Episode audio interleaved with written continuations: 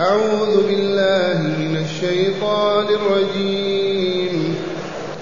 قال لهم موسى ألقوا ما أنتم ملقون. فألقوا حبالهم وعصيهم وقالوا وقالوا بعزة فرعون إنا لنحن الغالبون. فألقى موسى عصاه فإذا هي تلقف ما يأفكون.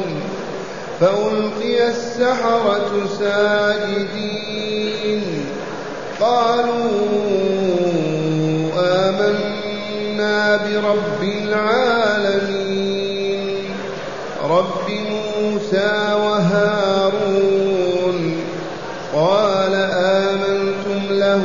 قبل أن آذن لكم إنه لكبيركم الذي علمكم السحر فلسوف تعلمون لأقطعن أيديكم وأرجلكم من خلاف ولأصلبنكم أجمعين قالوا لا ضير إنا إلى ربنا منقلبون. إنا نطمع أن يغفر لنا ربنا خطايانا أن كنا أول المؤمنين. معاشر المستمعين والمستمعات من المؤمنين والمؤمنات. قول ربنا تعالى قال لهم موسى ألقوا ما أنتم ملقون تذكرون أن موسى عليه السلام لما أظهر الآيتين العصا والموس العصا ويده البيضاء عزم فرعون على المباراة بينه وبين سحرته. فأرسل رجاله إلى كافة القطر يجمعون علماء السحر. فاجتمعوا. وكما علمتم كان السحر يعلم ويتعلمه الناس. وما زال إلى الآن والمعروف بين الناس هم اليهود الذين يعلمون السحر ويتعلمون. فلما اجتمعت الأمة يوم عيد في الضحى وبدأت المباراة. قالوا لموسى إما أن تلقي وإما أن نكون نحن الملقين. قالت السحرة رجالهم عظماؤهم لموسى إما أن تلقي أنت ما عندك وإما أن نلقي نحن ما عندنا. والأمة كلها واقفة تشاهد إذا المفروض لو كانت قتالا وحربا لكان موسى يلقي برجاله أولا لأن الصدمة الأولى هي التي تهزم العدو. لكن لما كانت القضية قضية علم وجدال فالذي يتأخر هو الذي ينتصر. إذا قلت لخصمك ألق ما عندك أنت فذكر كل ما عنده من الحجج فتقوم أنت فتنسفها مرة واحدة. فلهذا اختار موسى أن يكون هو الأخير لا الأول.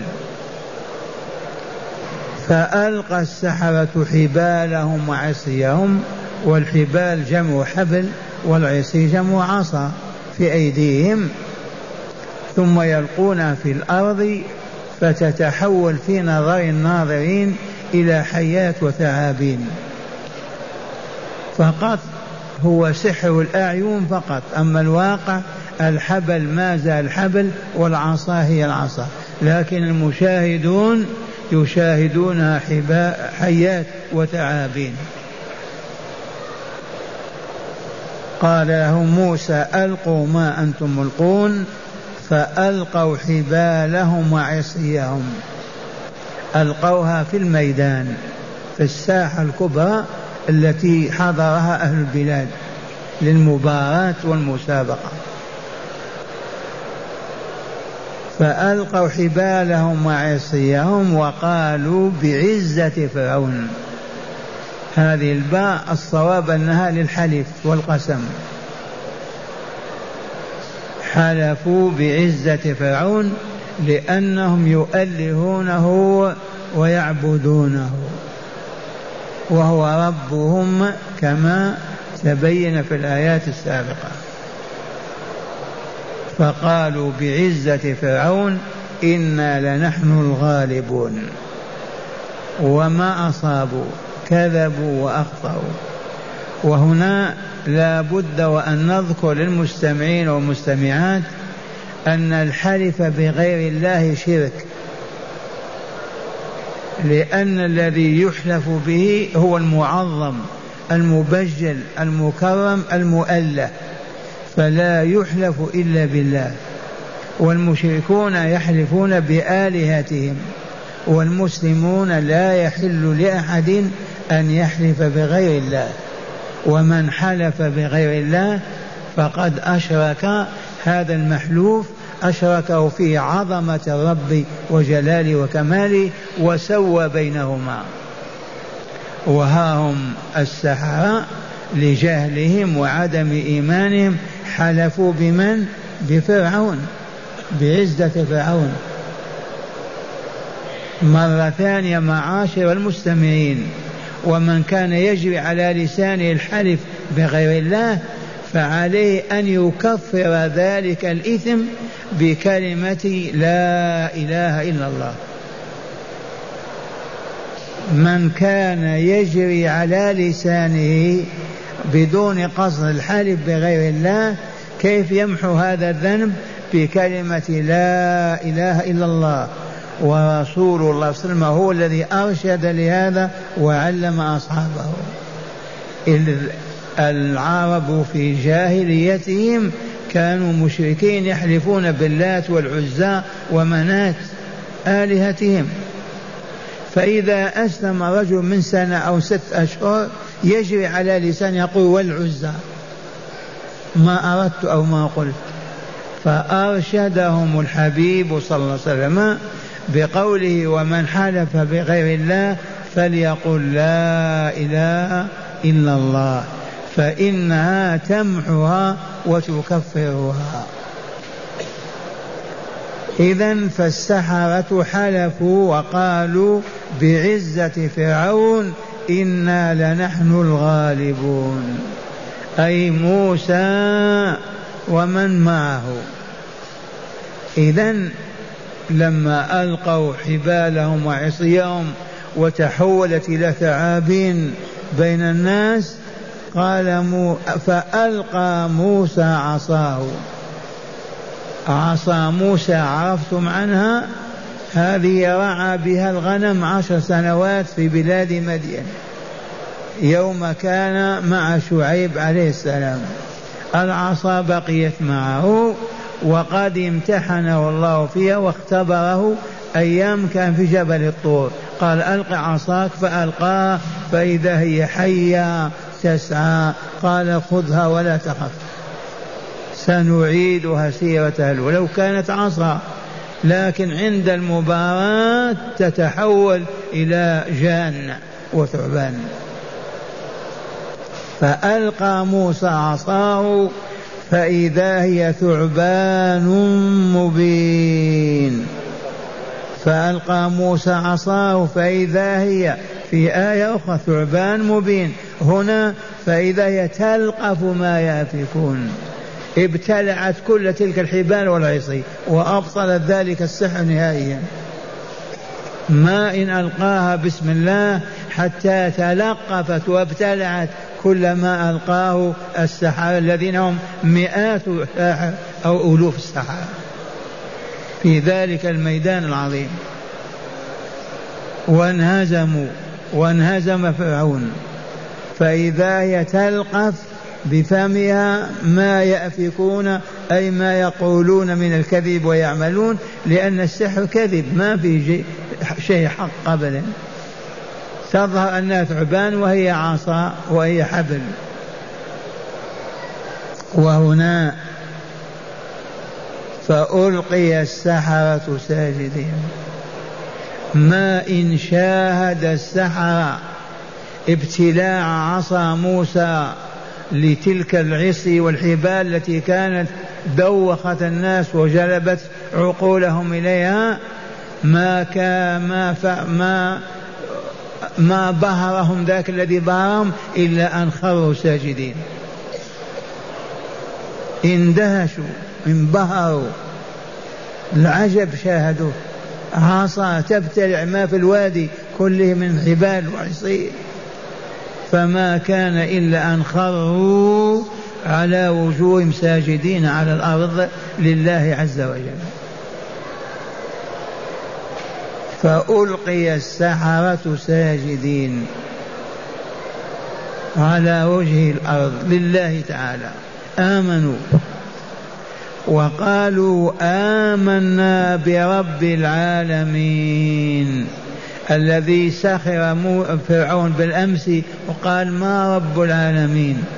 قال له موسى رب العالمين رب السماوات والأرض وما بينهما إن كنتم موقنين. هم عرفوا قالوا آمنا برب العالمين الذي هو رب موسى وهارون. حتى يسمع الحاضرون والمشاهدون هذه الحقيقة.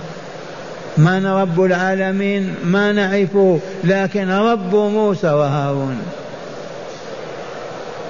وأسلم السحرة ودخلوا في الإسلام.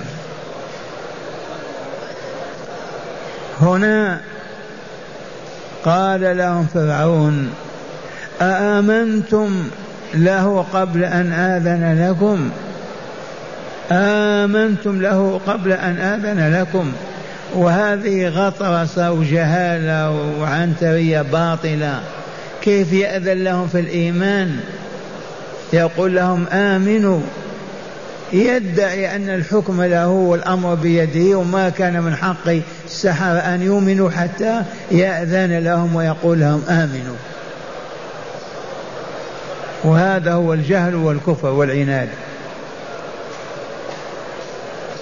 قال آمنتم له أي لموسى قبل أن آذن لكم إنه لكبيركم الذي علمكم السحر.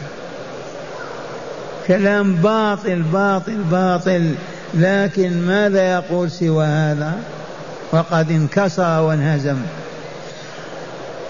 ماذا قال لهم؟ إنه أي موسى لكبيركم الذي علمكم السحر. وهو يعرف أن موسى ما يعرف السحر ولا درس السحر وتربى في, بل في بيته. ولكن قال هذا هو أستاذكم الذي تعلمتم منه السحر. فلهذا لا عجب أن تخروا ساجدين. كبيركم الذي علمكم السحر. ثم قال لهم فلسوف تعلمون. أي سوف أنزل بكم النقمة والعذاب. كيف تؤمنون بموسى؟ وتنهزمون أمامه. ماذا قال؟ فلسوف تعلمون ما يحل بكم وينزل بكم من عذاب. ثم قال لأقطعن أيديكم وأرجلكم من خلاف. توعدهم هل فعل أو لم يفعل ما ثبت ذلك في التفسير. لا عندنا ولا عند ابن جرير. توعدهم وقال لأقطعن أيديكم وأرجلكم من خلاف. يقطع رجل اليمنى ويخلي اليد اليسرى. حتى تختلف. يقطع اليد اليمنى ويقطع الرجل اليسرى. يتركهم بيد ورجل فقط. ثم بعد ذلك يصلبهم. يربطهم بالحبال على الجيب على الخشاء على الأخشاب ويبقون هكذا حتى يموتوا. فماذا قال لهم؟ فلسوف تعلمون عاقبة خروجكم عن طاعته واتباعكم لموسى وإيمانكم بما جاء به لأقطعن أيديكم وأرجلكم من خلاف فهمتم سر الخلاف وإلا لا؟ لو قطع رجلين فقط وخلى اليدين ما ما هو بشع. قطع اليدين وخلى رجلين أو رجلين لا. رجل ويد مخالفة. لو قطع اليمنى مع اليسرى ما هو بشع لكن الخلاف أبشع.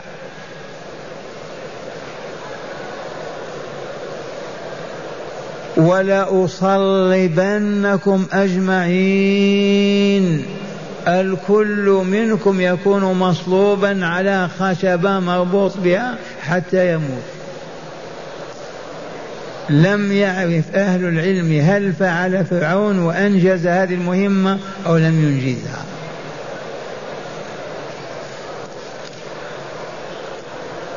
ماذا قال السحرة رضي الله عنهم؟ قالوا لا ضير لا ضرر أبدا. تقتل تصلب تقطع لا ضرر في هذا. لأن أرواحنا طاهرة ونفوسنا سعيدة والأبدان لا قيمة لها وهو كذلك. الأبدان لا قيمة لها القيمة للروح. فإذا طابت سعدت ورفعت الملكوت الأعلى. وتلك من هي؟ امرأة فرعون آسيا بنت مزاحم. ما صلى صلى بها لكن فاضت روحها قبل أن تنزل الحديد على جسمها. قالت رب ابن لي عندك بيتا في الجنة ونجني من فرعون وعمله ونجني من القوم الظالمين. واستجاب الله تعالى ما إن رفعت الحديد أو السيف عليها حتى فاضت روحها ودخلت الجنة. فلهذا قالت السحرة لا ضير إنا إلى ربنا منقلبون. لا ضير لا ضرر أبدا ولا أذى عندنا. لماذا؟ لأننا راجعون إلى ربنا. فالموت هي رجوع وإلا لا؟ في الحقيقة نعمة كبيرة هي الموت. نحن الآن في تعب وعناء ومشقة وإلام وإلا؟ وفي وحشة عظيمة لكن إذا أخذت أرواحنا إلى الجنة ما هي السعادة التي أعظم من السعادة؟ لو كنا منقلبين إلى جهنم لكان نام نام. الحياة خير من الموت. ولكن ما كنا منقلبين إلى دار السلام في جوار رب العالمين الموت والله خير. قال هذا السحر لما أسلموا إنا إلى ربنا منقلبون. راجعون إلى ربنا. فلما نخاف ونكرب ونحزن. إنا إلى ربنا منقلبون. وفي قوله تعالى من سورة فصلت إن الذين قالوا ربنا الله ثم استقاموا تتنزل عليهم الملائكة ألا تخافوا ولا تحزنوا. وأبشروا بالجنة التي كنتم توعدون. الآية العظيمة تعلمنا أن وفاة المؤمن خير من حياته. والرسول يقول الدنيا سجن المؤمن وجنة الكافر. الدنيا سجن المؤمن. والله المؤمنون كأنهم مسجونون بالنسبة إلى سعادتهم في الملكوت الأعلى مع مواكب النبيين والصديقين والشهداء والصالحين. ما إن تصل الروح إلى الحلقوم إلا ووفد من الملائكة كلهم أنوار يفدون إلى تلك الروح فرحون بأخذها.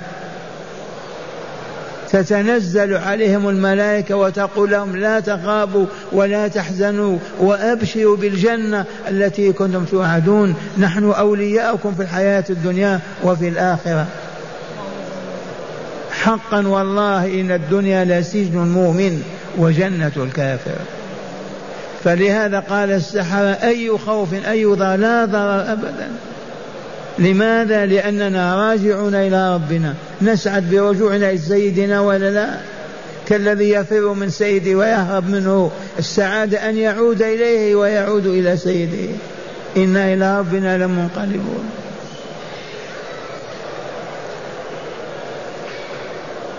ثم قالوا إنا نطمع أن يغفر لنا ربنا خطايانا. إنا نطمع أن يغفر لنا ربنا خطايانا والخطايا جمع خطيئة وقد ارتكبوا من الخطايا ما لا حد له ولا عد. ما عاشوا كافرين ما أسلموا إلا في هذه الساعة ساعة المباراة. فاعترفوا وقالوا إنا نطمع وحقق الله طمعهم واستجاب لهم. هذا الطمع محمود مرغوب فيه أن يغفر لنا ربنا خطايانا متوسلين إلى الله بقولهم أن كنا أول المؤمنين. أن كنا أول المؤمنين. ليسوا أنهم أول من آمن في الأرض ولكن بالنسبة إلى ذلك المجتمع وذاك الحفل الذي حضر هم أول من آمن. ولا شك أنه آمن كثيرون بانهزام السحرة يقال أكثر من ستين ألف آمنوا. لأنهم شاهدوا بطلان السحر وأنه ترهات وأباطيل. وآمن علماء السحر لأن السحر عددهم كثير أيضا. وقالوا إنا نطمع أن يغفر لنا ربنا خطايانا أن كنا أول المؤمنين أي كي لأن أصبحنا أول المؤمنين. والإيمان معاشر المستمعين والمستمعات من المؤمنين والمؤمنات. الإيمان تصديق الله ورسوله في كل ما أخبر به من الغيب والشهادة. آمنت بالله وبما جاء عن الله آمنت برسول الله وبما جاء عن رسول الله بمعنى صدقت تصديقا جازما لو أقطع لو أصلب لو أحرق ما نرجع أبدا ولا ننكر ما آمنت به. هذا الإيمان هذا الإيمان مفتاح دار السلام. المؤمنون في الجنة والكافرون في النار. وأركان الإيمان بالضرورة معروفة عندكم أنها ستة. الإيمان بالله وملائكته وكتبه ورسله واليوم الآخر والقضاء والقدر. ستة أركان. وتدخل تحت لا إله إلا الله محمد رسول الله.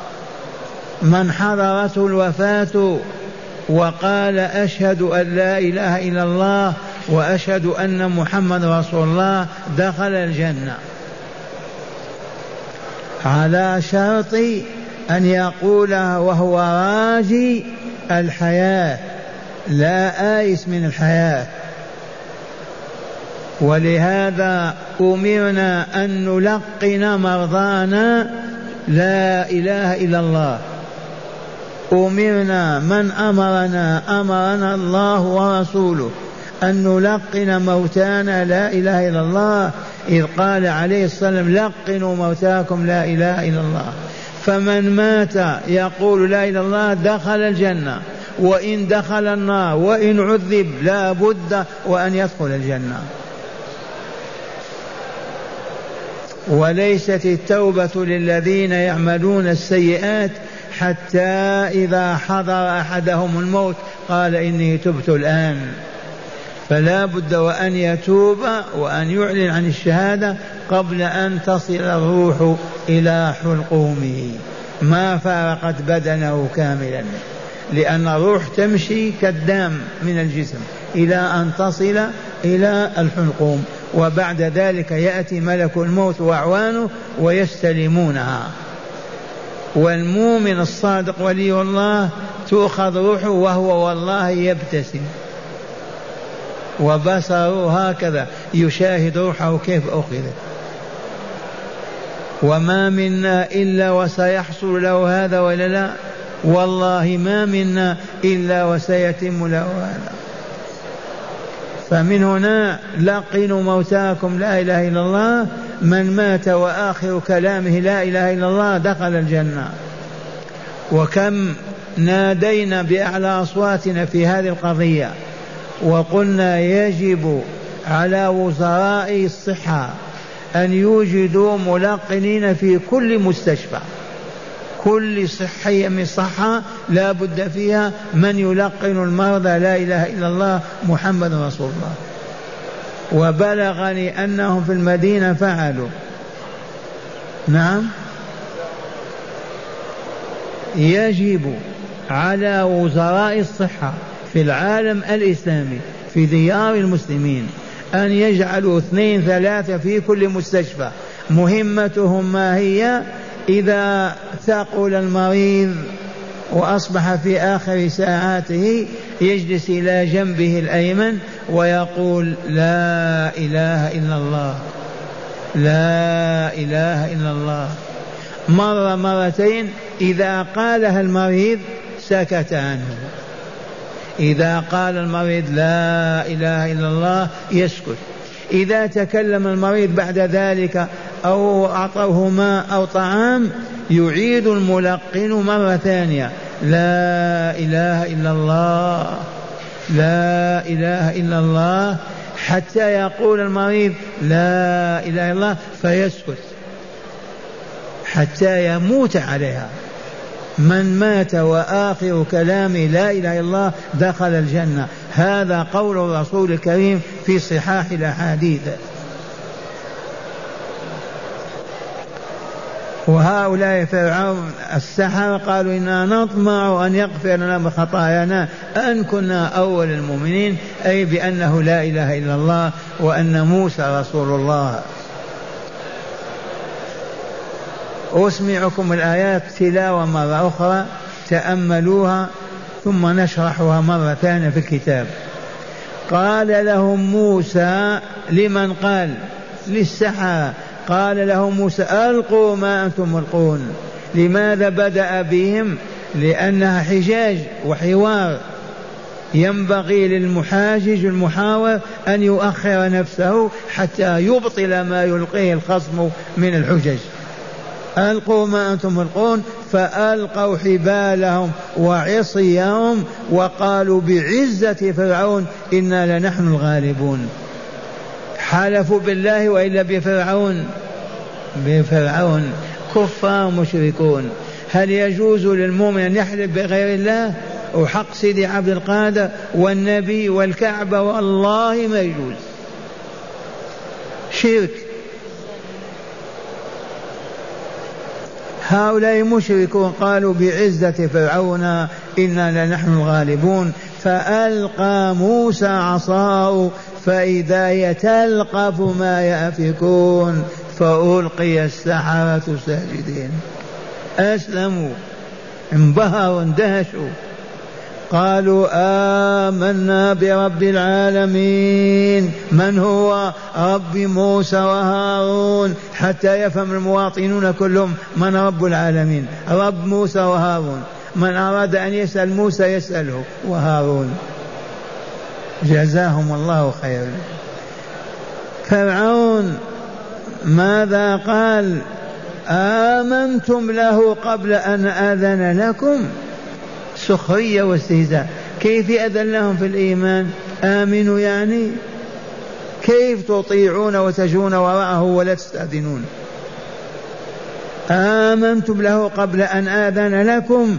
إنه لكبيركم الذي علمكم السحر. من هو؟ ماذا يعني فرعون؟ يعني موسى. عده من السحرة وأنه أستاذ السحر ومعلمه لأنه انتصر وانهزم السحرة. إنه لكبيركم الذي علمكم السحر فلسوف تعلمون. توعدهم بالعذاب. لأقطعن أيديكم وأرجلكم من خلاف. فهمتم من خلاف وإلا لا؟ لو قطع اليمين واليمين اليد والرجل يبقى نصف. لكن ما سيأبشع كأن يقطع يده اليمنى ورجله اليسرى. على خلاف. وممكن هو جرب هذا واستعمله في أمته. ولأصلبنكم أجمعين. صلبه جعله كالصليب. ربطه بالحبل على العمود. والآن اسمعوا شرح الآيات من الكتاب. معنى الآيات ما زال السياق في الحوار الذي دار بين موسى عليه السلام وفرعون. عليه لعائن الرحمن. إنه بعد إرجاء السحرة فرعون. إنه بعد إرجاء السحرة فرعون وسؤالهم له هل لهم من أجر؟ هل لهم من أجر على مناوراتهم موسى؟ إذا هم إنهم غلبوا وبعد أن طمأنهم فرعون على الأجر والجائزة العظيمة قال لهم موسى حينئذ ألقوا ما أنتم ملقون أي من الحبال والعصي في الميدان ميدان المشاهدة والمباراة. فألقوا حبالهم وعصيهم وأقسموا بعزة فرعون إنهم هم الغالبون. وفعلا انقلبت الساحة كلها انقلبت حيات وثعابين حتى أوجس موسى في نفسه خيفة. وخاف نعم. فأوحى إليه ربه تعالى أن ألق عصاك فألقاها فإذا هي تلقف ما يأفكون ويكذبون. هذا معنى قوله تعالى في هذا السياق فألقوا حبالهم وعصيهم وقالوا بعزة فرعون إنا لنحن الغالبون فألقى موسى عصاه فإذا هي تلقف ما يأفكون ومعنى تلقف ما يأفكون أي تبتلع في جوفها من طريق فمها كل ما أفكه أي كذبه وافتراه السحرة بسحرهم من انقلاب من انقلاب الحبال والعصي حيات وثعابين. وقوله تعالى وألقى وألقي السحرة ساجدين أي أنهم لاندهاشهم وما بهرهم من الحق ألقوا بأنفسهم على الأرض ساجدين لله تعالى مؤمنين به. فسئلوا عن حالهم تلك فقالوا آمنا برب العالمين رب موسى وهارون. وهنا خاف فرعون وهنا خاف فرعون خاف مما تفلت الزمام من يده. خاف أن يتفلت الزمام من يده وأن يؤمن الناس بموسى وهارون ويكفروا به. فقال للسحرة أنتم آمنتم به قبل أن آذن لكم؟ بذلك أي كيف تؤمنون بدون إذني على أنه يملك ذلك منهم وهو وهي مجرد مناورة مكشوفة لا أقل ولا أكثر. ثم قال لهم إنه أي موسى لكبيركم الذي علمكم السحر أي إنه لما كان أستاذكم تواطأتم معه على الغلب فأظهرتم أنه غلبكم. تمويه وتضليلا للجماهير. عجب. مرة ثانية. قال إنه لما كان قال فرعون إنه لما كان أستاذكم تواطأتم معه على الغلب فأظهرتم أنه أنه غلبكم. تمويها وتضليلا للجماهير المتفرجين. ثم تهددهم قائلا فلسوف تعلمون أي عقوبتي لكم على هذا التواطؤ. وهي لأقطعن أيديكم وأرجلكم من خلاف. ثم أقطع من الواحد منكم يده اليمنى ورجله اليسرى ولأصلبنكم أجمعين فلا أبقي منكم أحدا إلا أشده على خشبة حتى يموت مصلوبا. على فعل هل فعل فرعون هل فعل فرعون ما توعد به؟ الله أعلم. مع هداية الآيات. بسم الله والحمد لله. من هداية هذه الآيات أولا لم يبادر موسى بإلقاء عصاه أولا لأن المسألة مسألة علم لا مسألة حرب. ففي الحرب تنفع المبادرة بافتكاك زمام المعركة. وأما في العلم فيحسن تقديم الخصم فإذا أظهر ما عنده كر عليه بالحجج والبراهين فأبطله وظهر الحق. وانتصر على الباطل هذا الأسلوب الذي اتبع موسى بإلهام من ربه تعالى. لقد ذكرت لكم هذا في الدرس في شرح الآية وأن هذه المظاهرة أو هذه المباراة ما كانت في الحرب. لو كانت حرب الذي يتقدم هو الذي ينتصر. صاحب الضربة الأولى هو الذي ينتصر. لكن هذه مباراة علم ومعرفة حجج وبراهين فالذي يلقي ما عنده الأخير يبطل ذلك الذي ألقاه ويبطله بل مرة واحدة. أعد لنا هذا. أرفع صوتك.